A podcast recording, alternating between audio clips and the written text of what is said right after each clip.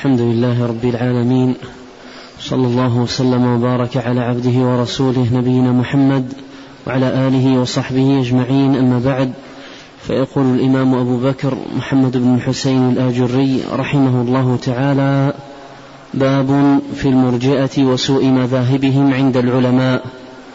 قال حدثنا أبو بكر عبد الله بن محمد بن عبد الحميد الواسطي قال حدثنا زهير بن محمد المروزي قال أخبرنا محمد بن كثير عن الأوزاعي عن الزهري قال ما ابتدعت في الإسلام بدعة أضر على أهله من هذه يعني الإرجاء. بسم الله الرحمن الرحيم. الحمد لله رب العالمين وأشهد أن لا إله إلا الله وحده لا شريك له وأشهد أن محمدا عبده ورسوله. صلى الله وسلم عليه وعلى آله وأصحابه أجمعين. اللهم لا علم لنا إلا ما علمتنا اللهم علمنا ما ينفعنا وزدنا علما وأصلح لنا شأننا كله ولا تكلنا إلى أنفسنا طرفة عين. أما بعد قال الإمام الآجري رحمه الله تعالى باب في المرجئة.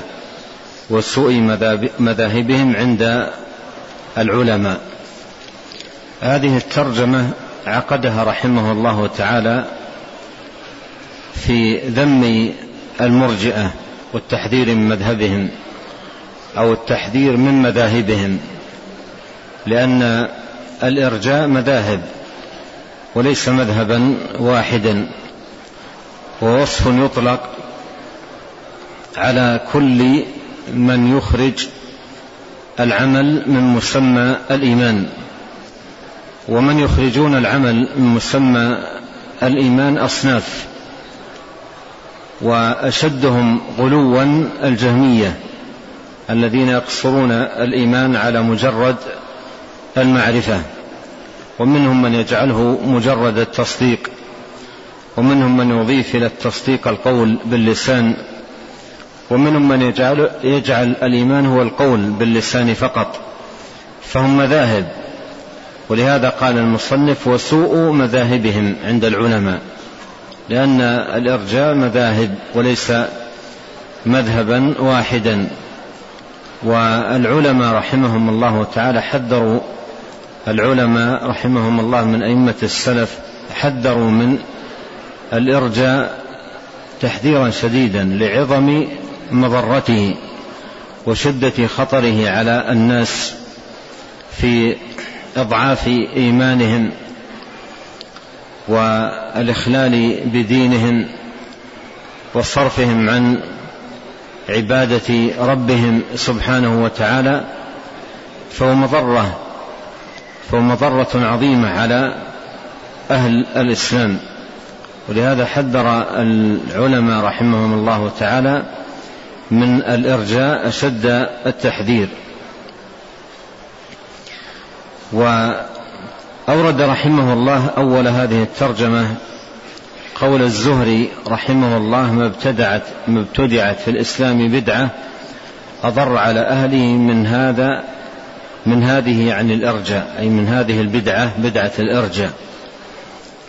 وإنما آه، قال الزهري رحمه الله ذلك يعني ذكر مضرة الإرجاء على الناس وشدة مضرته عليهم لأن هذه البدعة من الوسائل المفضية إلى ضياع الدين بل هي من أخطر الوسائل التي تفضي إلى ضياع الدين وعدم الاهتمام بالقيام بالعبادات والطاعات والوظائف الدينية. وأيضا عدم المبالاة في الوقوع في الحرام وارتكاب الآثام لأن الناس إذا أفهموا على ضوء عقيدة المرجئة أن الإيمان هو المعرفة فقط أو أن الإيمان هو التصديق فقط أو أن الإيمان هو التصديق والقول فقط وأن الأعمال ليست من الإيمان فإنه يترتب على ذلك مضرة عظيمة في آه، في في الناس وأهل هذا الدين ضعفا في إيمانهم وتفريطا في عبادتهم لربهم وقوعا في المحرمات والآثام. فيقول الواحد منهم ما الحاجة إلى أن أعني نفسي في العمل؟ وأجاهد نفسي على العناية به. ما الحاجة إلى أن أحافظ على الصلاة والصيام وغيرها من الطاعات؟ ما دام أن الإيمان هو المعرفة أو الإيمان هو التصديق أو الإيمان هو التصديق والقول ما الحاجة إلى ذلك؟ فيكون في ذلك هدم للدين وإضرار بالمسلمين وعبادتهم لله سبحانه وتعالى. وعدم مبالاتهم بأمر العبادة. ولهذا قال رحمه الله ما ابتدعت في الإسلام بدعة أضر على أهله من هذه يعني الإرجاء. نعم. قال رحمه الله تعالى حدثنا إسحاق بن أبي حسان الأنماطي قال حدثنا هشام بن عمار الدمشقي قال حدثنا شهاب بن خراش عن أبي حمزة التمار الأعور قال قلت لإبراهيم ما ترى في رأي المرجئة؟ فقال أوه لفقوا قولا فأنا أخافهم على الأمة والشر من أمرهم كثير فإياك وإياهم. ثم أورد رحمه الله تعالى هذا الأثر أن إبراهيم النخعي رحمه الله تعالى قيل له ما ترى في رأي المرجئة؟ فقال أوه هذه كلمة توجع. يعني تقال عند الأمور الموجعة المؤلمة. قال أوه. لا لفقوا قولا فأنا أخافهم على الأمة. لفقوا قولا. قوله لفقوا قولا أي أن عقيدة المرجع عقيدة عقيدة ملفقة ليست عقيدة قائمة على أصول شرعية ودلائل من الكتاب والسنة وإنما هي عقيدة ملفقة.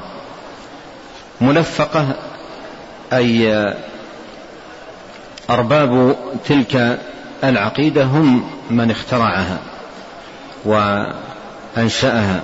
لا مستند لها من كتاب الله وسنة نبيه صلوات الله وسلامه وبركاته عليه. قال لفقوا قولا. لفقوا قولا.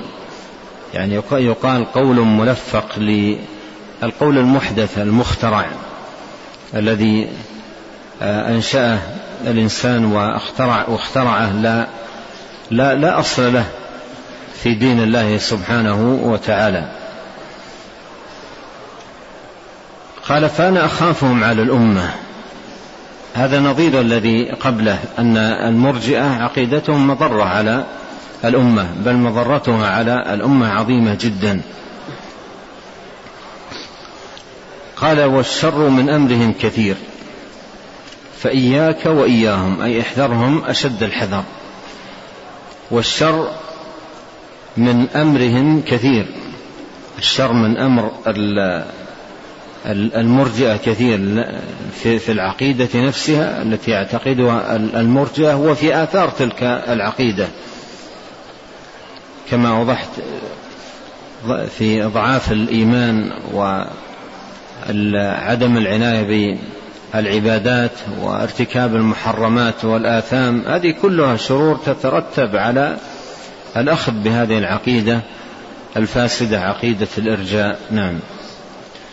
قال رحمه الله تعالى حدثنا أبو نصر محمد بن كردي قال حدثنا قال حدثنا أبو بكر المروذي قال حدثنا أبو عبد الله يعني أحمد بن حنبل قال حدثنا محمد بن بشر قال حدثني سعيد بن صالح عن حكيم بن جبير قال قال إبراهيم المرجئة أخوف عندي على الإسلام من عدتهم من الأزارقة. وهذا الأثر عن إبراهيم قال المرجئة أخوف عندي على الإسلام من عدتهم من الأزارقة أي من مثل عددهم من الأزارقة. الأزارقة فرقة من الخوارج. ومن المعلوم أن المرجئة والخوارج على طرفي خط النقيض. يعني قول المرجئة مصادم لقول الخوارج. الخوارج عندهم غلو والمرجئة عندهم جفاء. فالخوارج والمرجئة بين الإفراط والتفريط. هؤلاء أهل إفراط وأولئك أهل تفريط. فيقول المرجئ أخوف عندي على الإسلام من عدتهم من الأزارقة. هنا ينبغي أن تلاحظ أن كل من الخوارج والمرجئة عقيدتهم يترتب عليها ضعف الدين وانتشار المعاصي والذنوب وفشوها في الناس. كل من العقيدتين يترتب عليها هذا الأثر.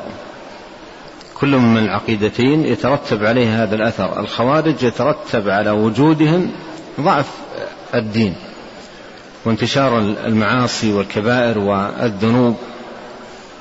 مع أنهم في ظاهر أمرهم يعملون على القضاء على الذنوب لكن طريقته طريقتهم في إنكار المنكر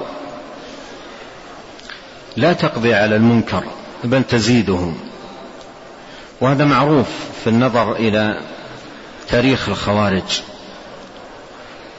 معروف بالنظر إلى تاريخ الخوارج يعني من شعار الخوارج الأمر معروف النهي عن المنكر.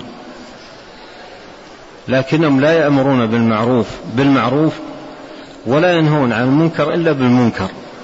ولهذا يترتب على ذلك مضرة عظيمة في فشو المنكرات. فيترتب على وجود الخوارج مفسدتين. عدم بقاء الدين آه عدم قيام الدين وعدم بقاء الدنيا. فهم لا يقيمون دينا ولا يبقون دنيا. وهذا معروف في في تاريخ الخوارج ومن يتتبع تاريخهم. أعمالهم لا تقيم دينا ولا تبقي دنيا للناس بل يكثر إراقة الدماء والشرور والفرقة و والمرجئة عقيدتهم فيها إضعاف للدين وهي مناقضة لعقيدة الخوارج. الخوارج يعملون نصوص الوعيد ويهملون نصوص الوعد. أولئك على العكس يعملون نصوص الوعد ويهملون الوعيد. فالمرجئة لهم مضرة على الأمة من جهة ضياع الدين. المرجئة لهم مضرة على الأمة من جهة ضياع الدين ترك الصلاة وترك العبادة وترك الفرائض والوقوع في المحرمات والكبائر. ولو نظرت في العقيدتين تجد المؤدى واحد لكن هذا بمسلك وهذا بمسلك آخر وإلا المؤدى واحد ضعف الدين يترتب على كل من العقيدتين عقيدة الخوارج وعقيدة المرجئة. نعم.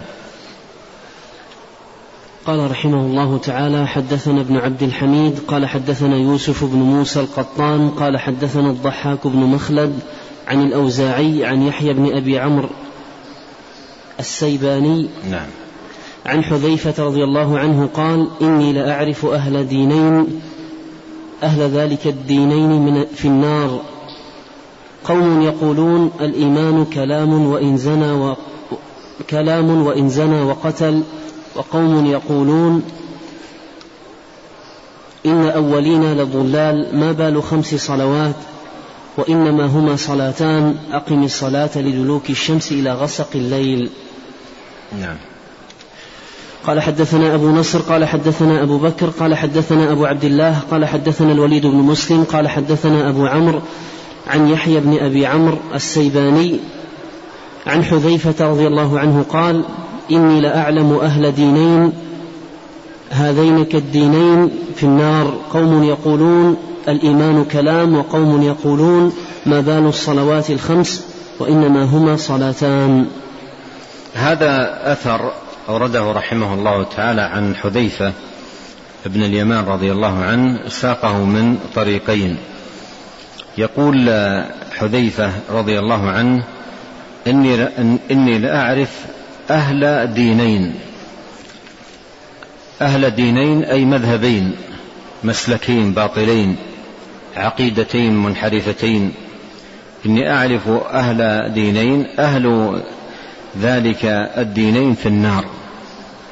أي أن أنهم يعتقدون عقيدة فاسدة باطلة موجبة لدخول النار.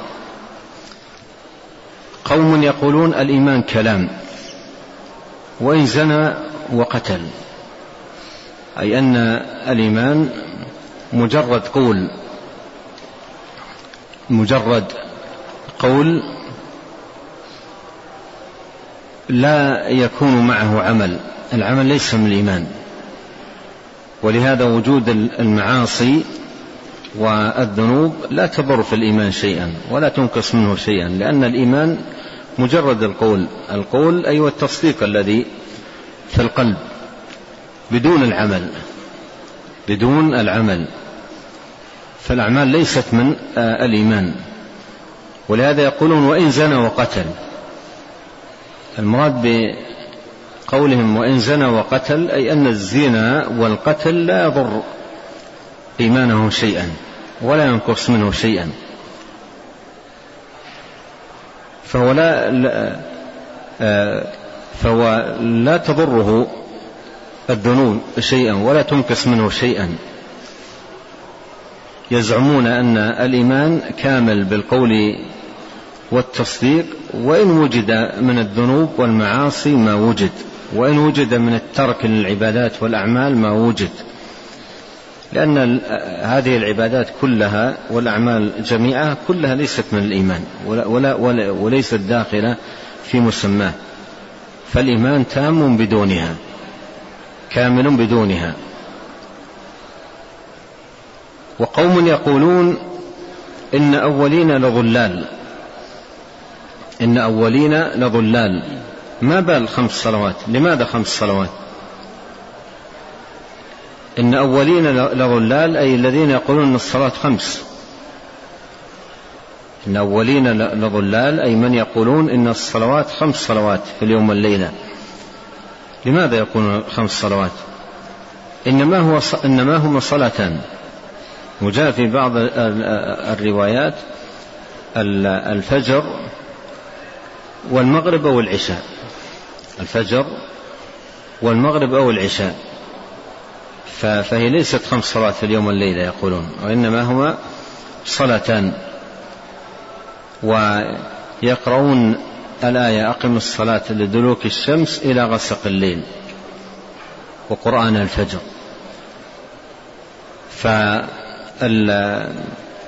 عندهم أن عندهم أن الصلوات إنما هي ثلاث صلوات في, في اليوم والليلة.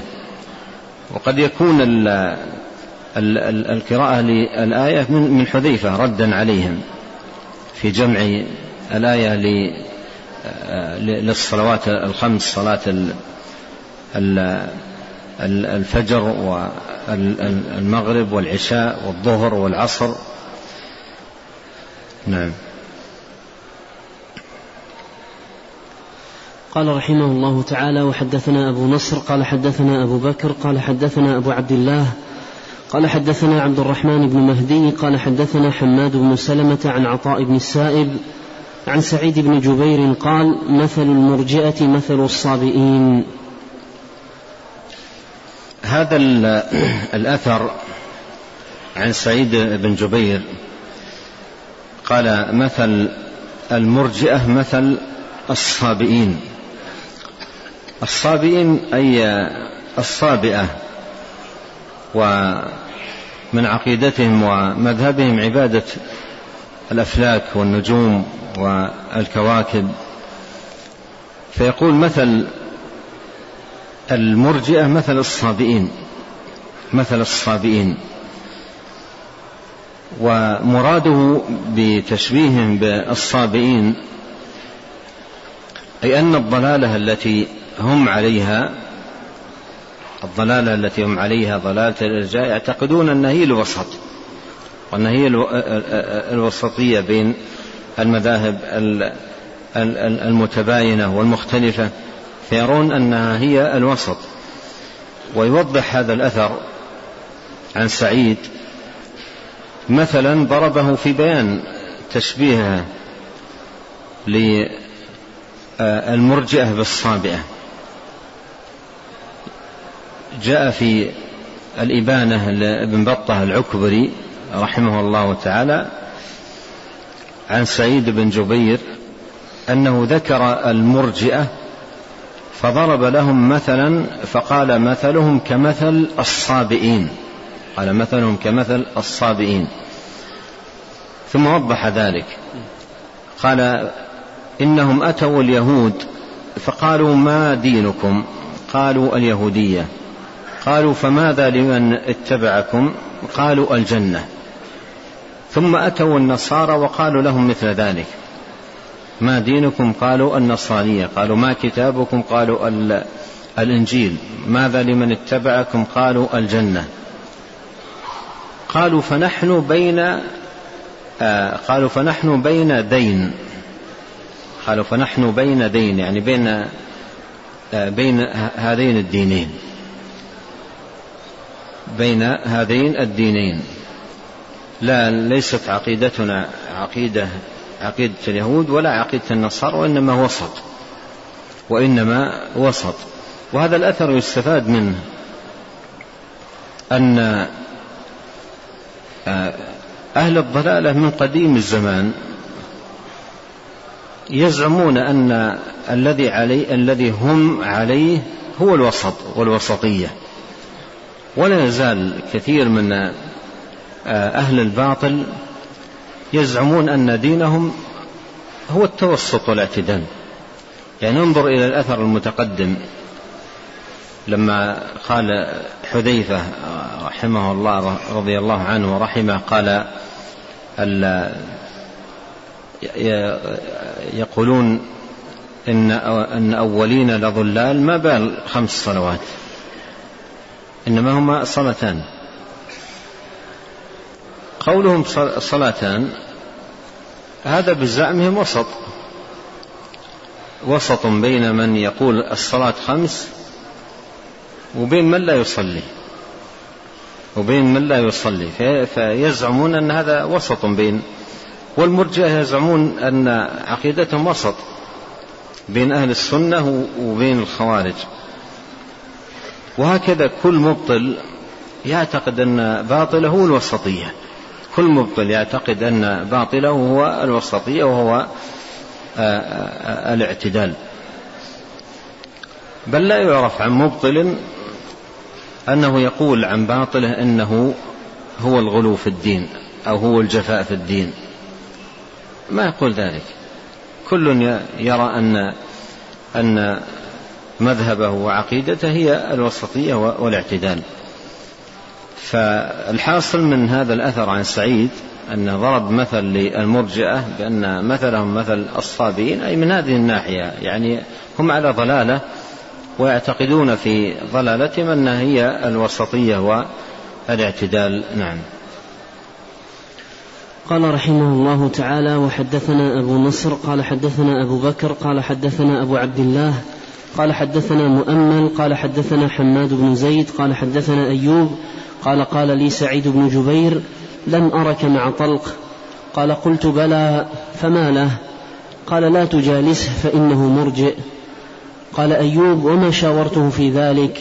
ويحق للمسلم إذا رأى من أخيه ما يكره أن يأمره وينهاه. ثم أورد رحمه الله تعالى عن سعيد آه، بن جبير أنه قال لأيوب السختياني ألم أرك مع طلق؟ أي بن حبيب. قال قلت بلى.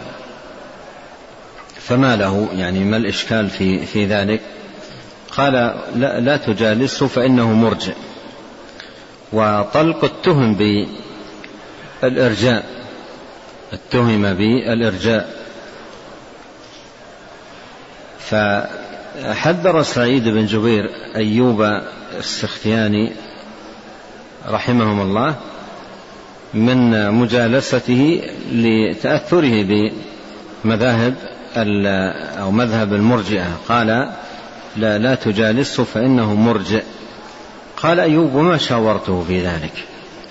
ما شاورته في ذلك؟ لم أسأله هل أجالس طلق ابن حبيب أو لا أجالسه. ما شاورته؟ إنما هو ابتدأني.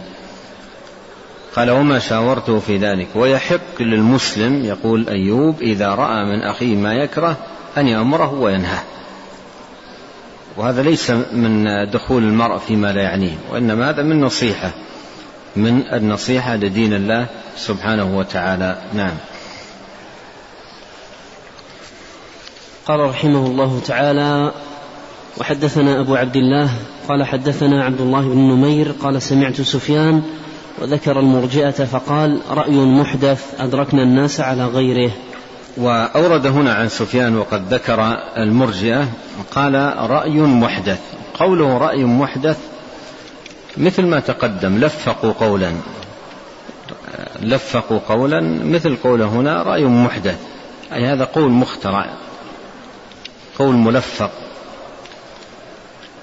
قال أدركنا الناس على غيره. أدركنا الناس أي السلف الذين قبله من أئمة الدين وأهل السنة ولزوم الحق والهدى على غير على غير هذا الأمر الذي أحدثه هؤلاء المرجئة. نعم.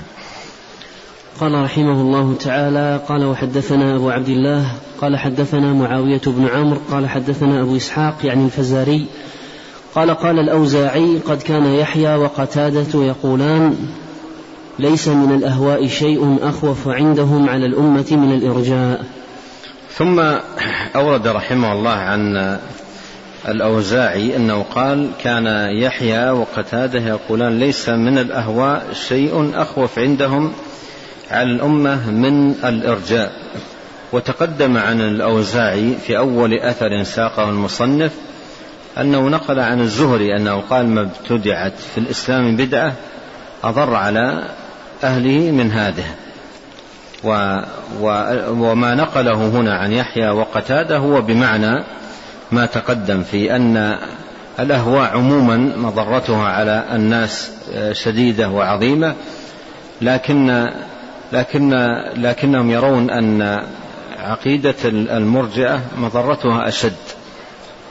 مضرتها أشد وهم, وهم على الناس من المرجع أخوف عليهم من غيرهم. نعم.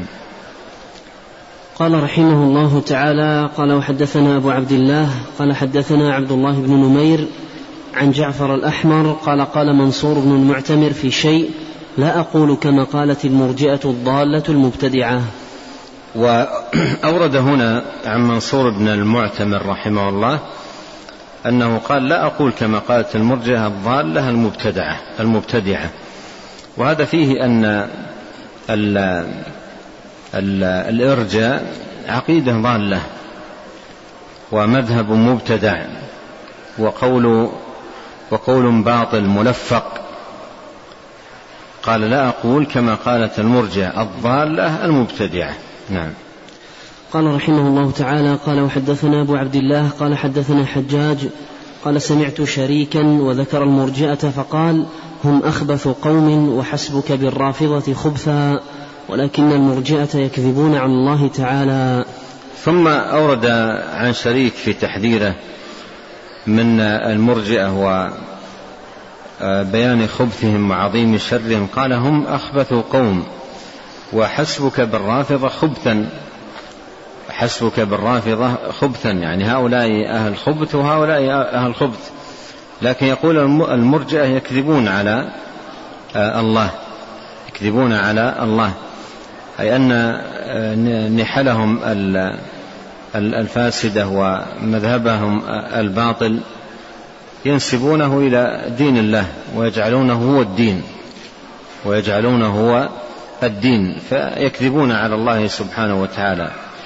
وهذا مشترك بين طوائف آه، الضلال.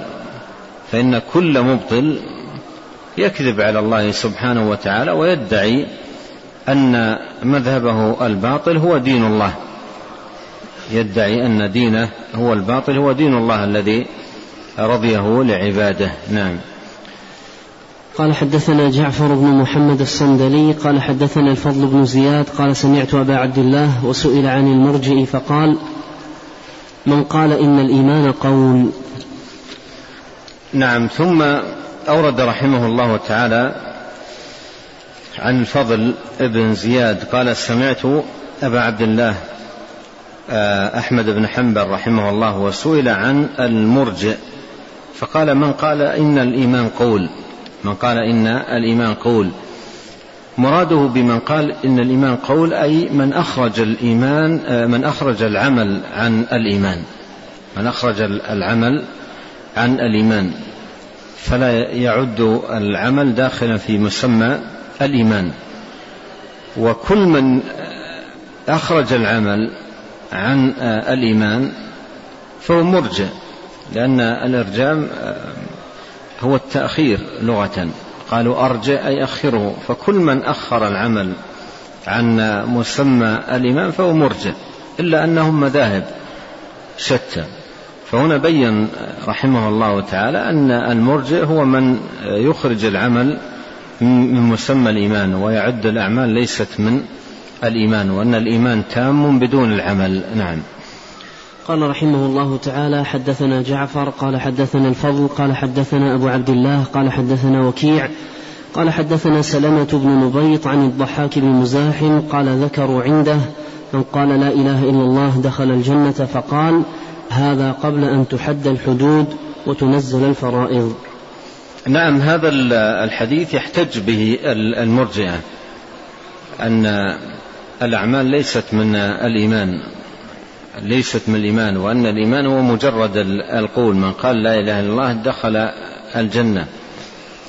والأعمال ليست من الإيمان. قال هذا قبل أن تحد الحدود وتنزل الفرائض. والمعنى المقرر هنا سبق أن بينه المصنف رحمه الله تفصيلا وهو أن أول ما نزل على النبي الكريم عليه الصلاة والسلام هو التوحيد. قولوا لا إله إلا الله تفلحوا ثم مضى الأمر على ذلك آه، بضع عشرة سنة. وهو الذي آه، فرض على الناس هو التوحيد فقط. لم تفرض صلاة ولا صيام ولا غيرها من العبادات. فمن قال لا إله إلا الله دخل الجنة. من أهل العلم من فسر الحديث على هذا هذا المعنى. يعني من قال لا إله إلا الله دخل الجنة أي قبل أن تنزل الفرائض. قبل أن تنزل آه، الفرائض.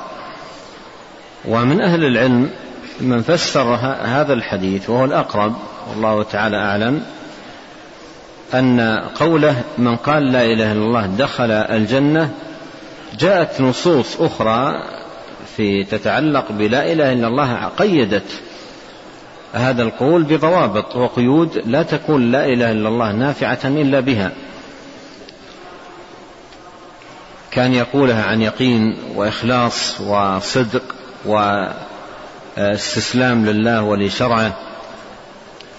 فهذه كلها قيود. قيود لا تكون لا إله إلا الله نافعة إلا بها. فيحمل قوله من قال لا إله إلا الله دخل الجنة أي قالها بشروطها وقيودها وضوابطها.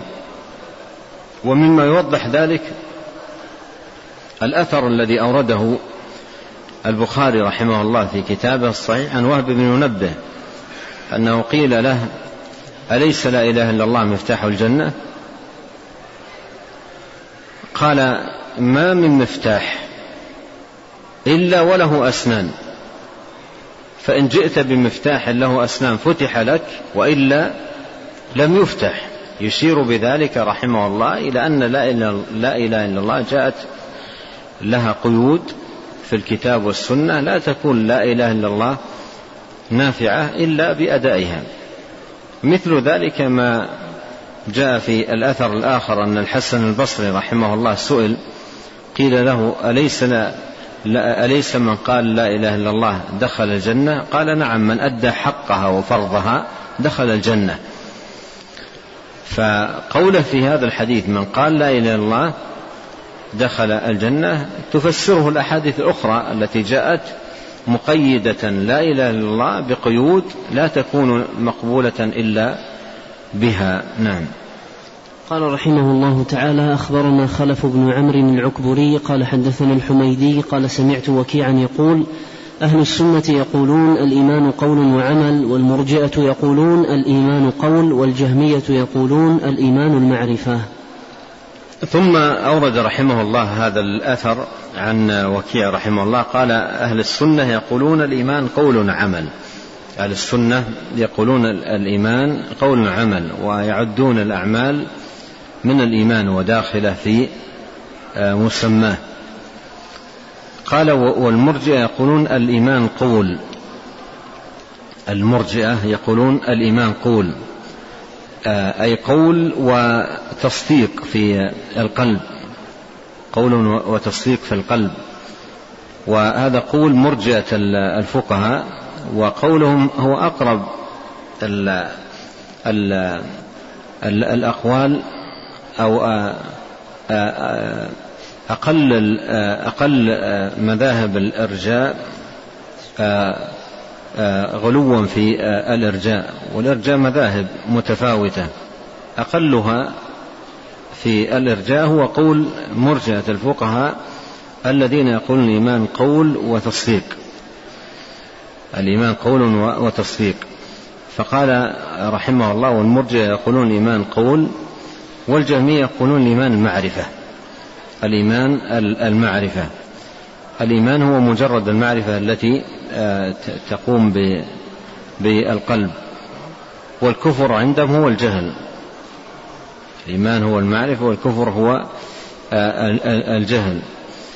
فهذا قول غلاة المرجئة وهم آه، الجهمية. فمن عرف كفته المعرفة أن يكون بها كامل الإيمان. وإن لم يصلي ويصم وإن لم يقم بشيء من دين الله وإن فعل كل المحرمات وجميع الموبقات وإن عبد أيضا غير الله وسجد لصنم أو لصليب أو غير ذلك ما دام أن المعرفة موجودة آه، فهذا هو آه، الإيمان. فهذا هو الإيمان وهذا من أشد أقوال المرجئة غلوا في الإرجاء وأخبث أقوال المرجئة وقول الجهمية. والجهمية مرجئة لكنهم أشد المرجئة غلوا في الإرجاء. نكتفي بهذا. ونسأل الله الكريم أن ينفعنا بما علمنا وأن يزيدنا علما وأن يصلح لنا شأننا كله وأن لا يكلنا إلى أنفسنا طرفة عين وأن يغفر لنا ولوالدينا ولمشايخنا وولاة أمرنا والمسلمين والمسلمات والمؤمنين والمؤمنات الأحياء منهم والأموات. اللهم آت نفوسنا تقواها وزكها. أنت خير من زكاها. أنت وليها ومولاها اللهم إنا نسألك الهدى والتقى والعفة والغنى. اللهم اقسم لنا من خشيتك ما يحول بيننا وبين معاصيك ومن طاعتك ما تبلغنا به جنتك ومن اليقين ما تهون به علينا مصائب الدنيا. اللهم متعنا بأسماعنا وأبصارنا وقوتنا ما أحييتنا. واجعله الوارث منا واجعل ثأرنا على من ظلمنا وانصرنا على من عادانا ولا تجعل مصيبتنا في ديننا ولا تجعل الدنيا أكبر همنا ولا مبلغ علمنا ولا تسلط علينا من لا يرحمنا. سبحانك اللهم وبحمدك أشهد أن لا إله إلا أنت أستغفرك وأتوب إليك. اللهم صل وسلم على عبدك ورسولك نبينا محمد وآله وصحبه. جزاكم الله خيرا.